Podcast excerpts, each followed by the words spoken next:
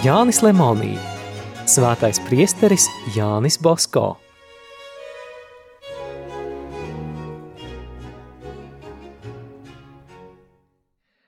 Tajā laikā priesterim Bosko atgadījās ļoti nepatīkama lieta.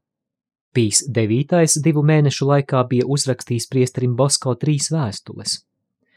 Jānis Bosko atbildēja uz visām trim, bet, diemžēl, šīs vēstules Piju devīto nesasniedza. Pāvests žēlojās. Ko gan esmu nodarījis priesterim Bosko, ka viņš negrib man pat atbildēt?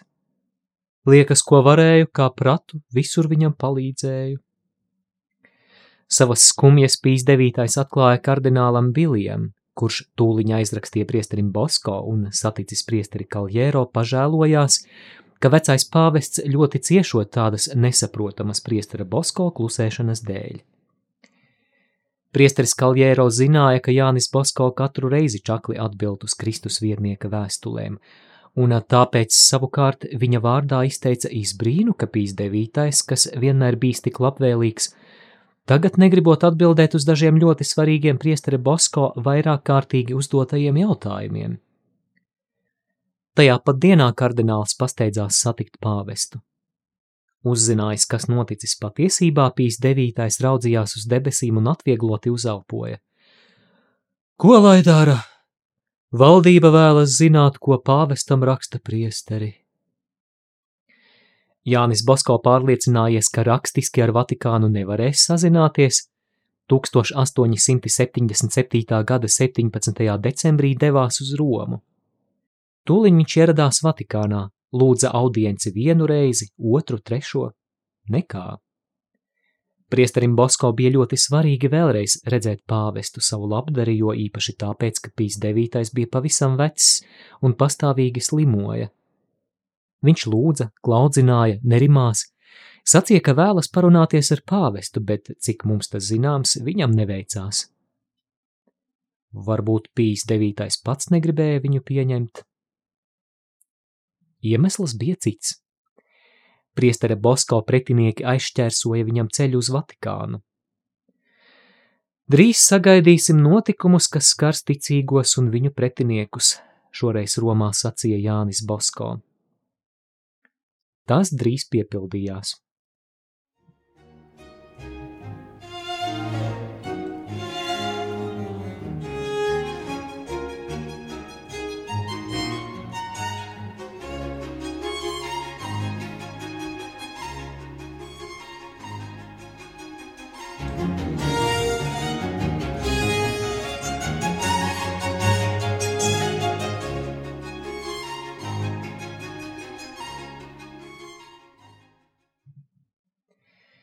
1878. gada 9. janvārī nomira karalis Viktors Emanuēls.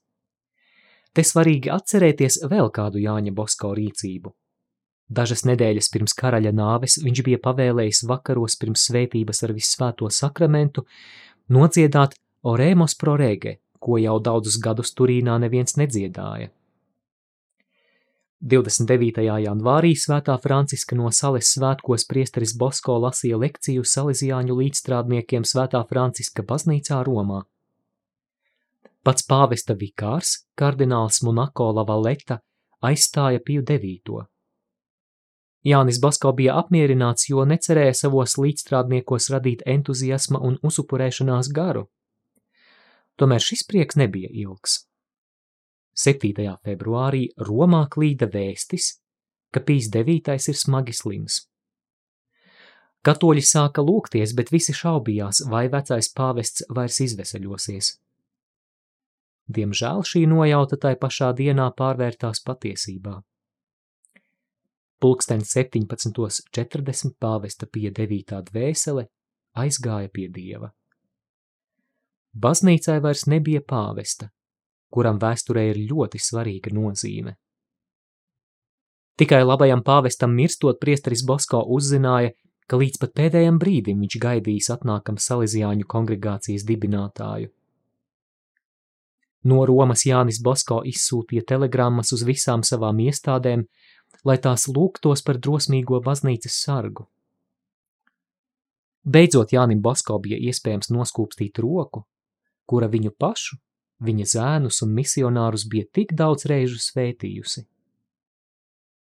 Un šoreiz ienaidnieki neuzdrošinājās nelaist priestri Bosko pie sava labdara, lai pēdējo reizi parādītu viņam godu un mīlestību. Siksta kapelā sākās bēru novenna, bet Vatikāna pilī pamazām virināja vārtus un gatavojās konklāvam.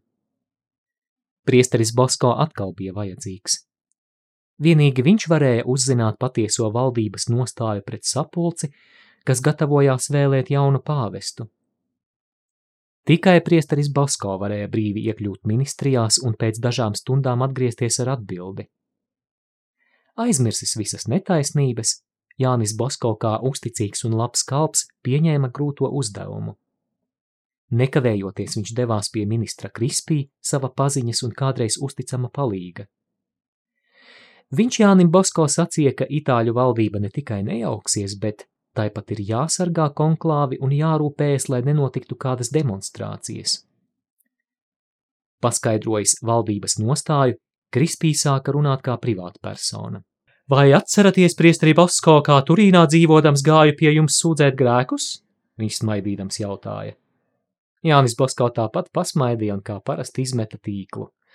Neatceros, viņš sacīja, bet, ja gribat, esmu gatavs klausīties grēksūdzi arī tagad. Ministrs ļoti uztraucās un, negribēdams to parādīt, sāka jautāt priesterim Bosko par oratoriju, par salīdzjāņiem, par viņa audzināšanas sistēmu. Kad Jānis Bosko atgriezās Vatikānā, viņu gaidīja kardināls Pečī. Jānis Bosko viņu aplūkoja no galvas līdz kājām, piemiedzā raci un ar mīlestību teica: Eminence, atļaujiet noskūpstīt jums roku. Kas jūs tāds esat, ka uzdrošināties tuvoties? Esmu parasts priesteris. Gribu tagad noskūpstīt roku jūsu eminencei, ticēdams, ka vēlāk pēc dažām dienām ļausiet noskūpstīt arī kāju. Esiet piesardzīgs, priesteri, Aizliedzu jums runāt un lūgties par to, ko tagad sakāt. Eminence, jūs nevarat man aizliegt lūgt no Dieva to, kas viņam patīk. Ja jūs lūgsieties tādā nodomā, tiksiet ekskomunicēts. Līdz šim jūsu eminencē šo tiesību vēl nav bijis, bet kad būs, tad pieņemšu arī ekskomunikāciju, ko tad uzliksiet. Bet kas tad jūs galu galā esat, ka tik droši runājat? priesteris Bosko. Dieva mīlestības dēļ klusējiet. Tagad laiks strādāt, nevis jokot. Tomēr, kā Jānis Bosko paredzēja, tā arī notika. 20. februārī kardināls Joahims Peči, Perudžas arhibīskaps, tika ievēlēts par pāvestu, un viņš pieņēma Leona 13. vārdu. 21. februārī priesteris Bosko steidzās uz Vatikānu apliecināt jaunajam pāvestam savu un savu dēlu cieņu un neierobežotās paklausības jūtas. 23. februārī Jānis Basko redzēja Leonu 13. atklātā audiencē. 3. martā viņš kopā ar kardinālu Aurelio piedalījās kronēšanas svinībās.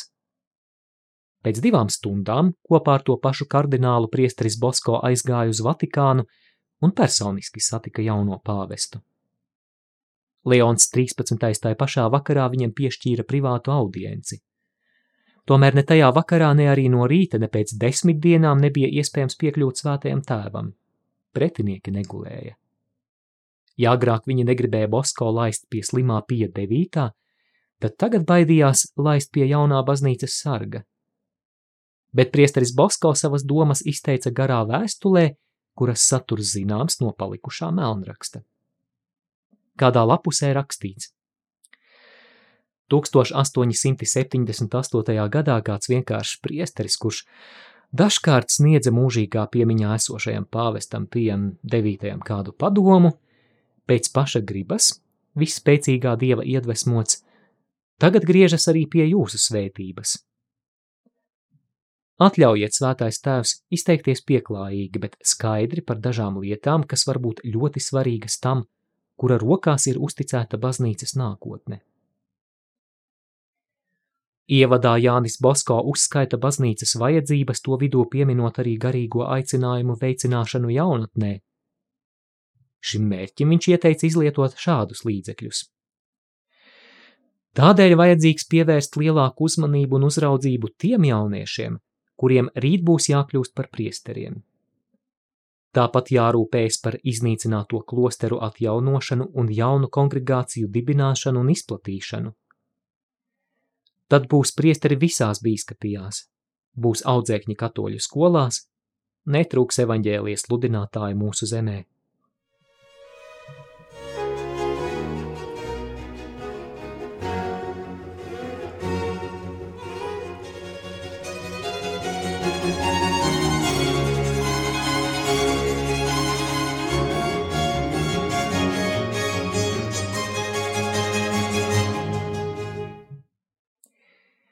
Desmitajā martā priesteris Bosko vēstulē pāvestam lūdza apstiprināt Marijas kristīgo palīdzības svētības formulu.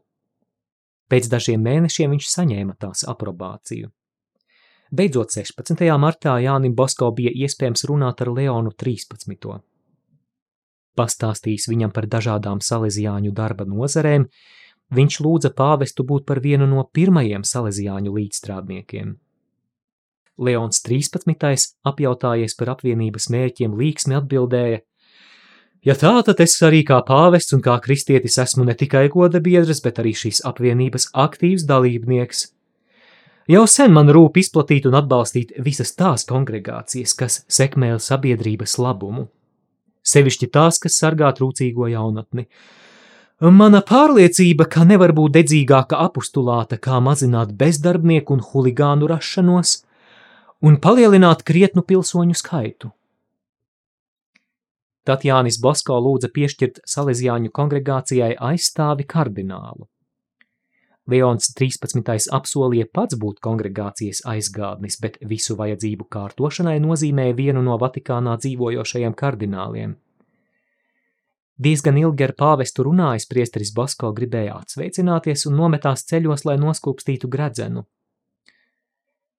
Viņš lūdza pasakīt kādu padomu salīdzjāņiem, audzēkņiem, līdzstrādniekiem un Amerikas misionāriem.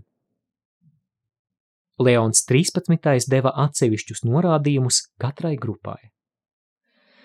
Savas kongregācijas locekļiem pasakiet, lai viņi nekad neaizmirst pateikties Dievam par savu aicinājumu, jo viņi var darīt tik daudz laba sev un citu dvēselēm. Tik daudz darbu, kas iesākti un strauji izplatās, pierāda, ka tā ir dieva griba. Digitus dei est hic. Tādēļ salīdzjāņiem jābūt pateicīgiem dievam, ka viņi ir pulcināti kā rīki liela darba veikšanai. Jāpateicas ne tikai vārdos, bet arī darbos, bet vislielākais viņu darbs - akurāta regulas izpildīšana. Bērnus, kurus dievs ir uzticējis jūsu gādībai, mudiniet, lai viņi droši cīnītos ar baigāko dvēseles ienaidnieku bailēm no cilvēkiem. Lai jau no mazotnes tie dziļi ieaug ticības patiesībās, lai droši no cilvēkiem nekaunēdamies ar tām dzīvo, lai mīl svēto krēslu un pāvestu, vienīgo patiesības centru un vienīgo nemaldīgo skolotāju.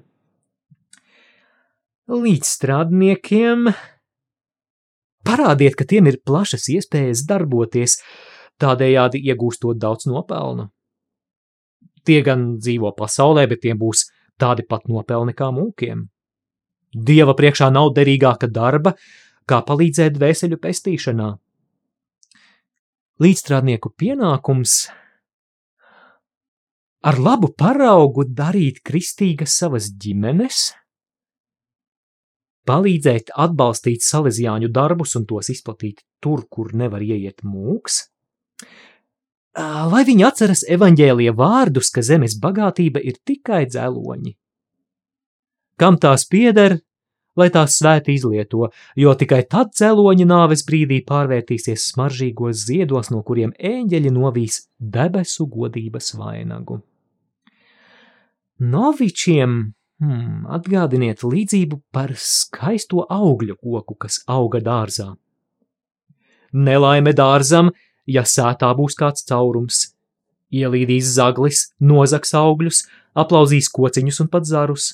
Tādēļ Noviči, Salīzjāņu kongregācijas cerība, lai mīl savas mājas vienību un lai cenšas iegūt tos tikumus, ar kuriem vajadzēs greznot visu savu turpmāko dzīvi.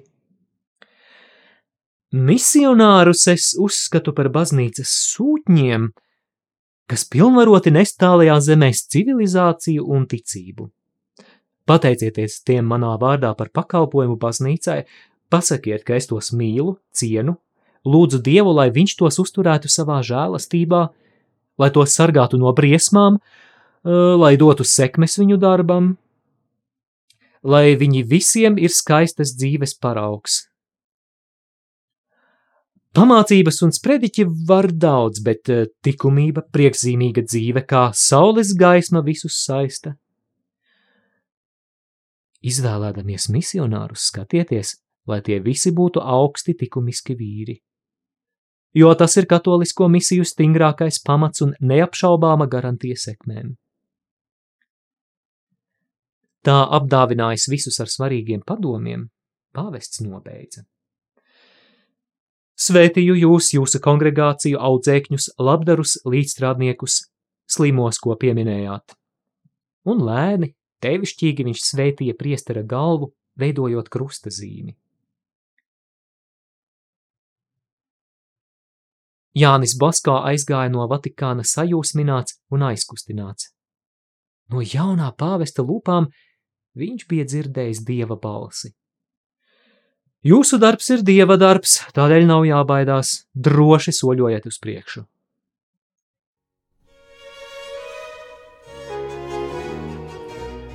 Izskanēja lasījums no Jāņa Lemonija grāmatas Svētais priesteris Jānis Bosko.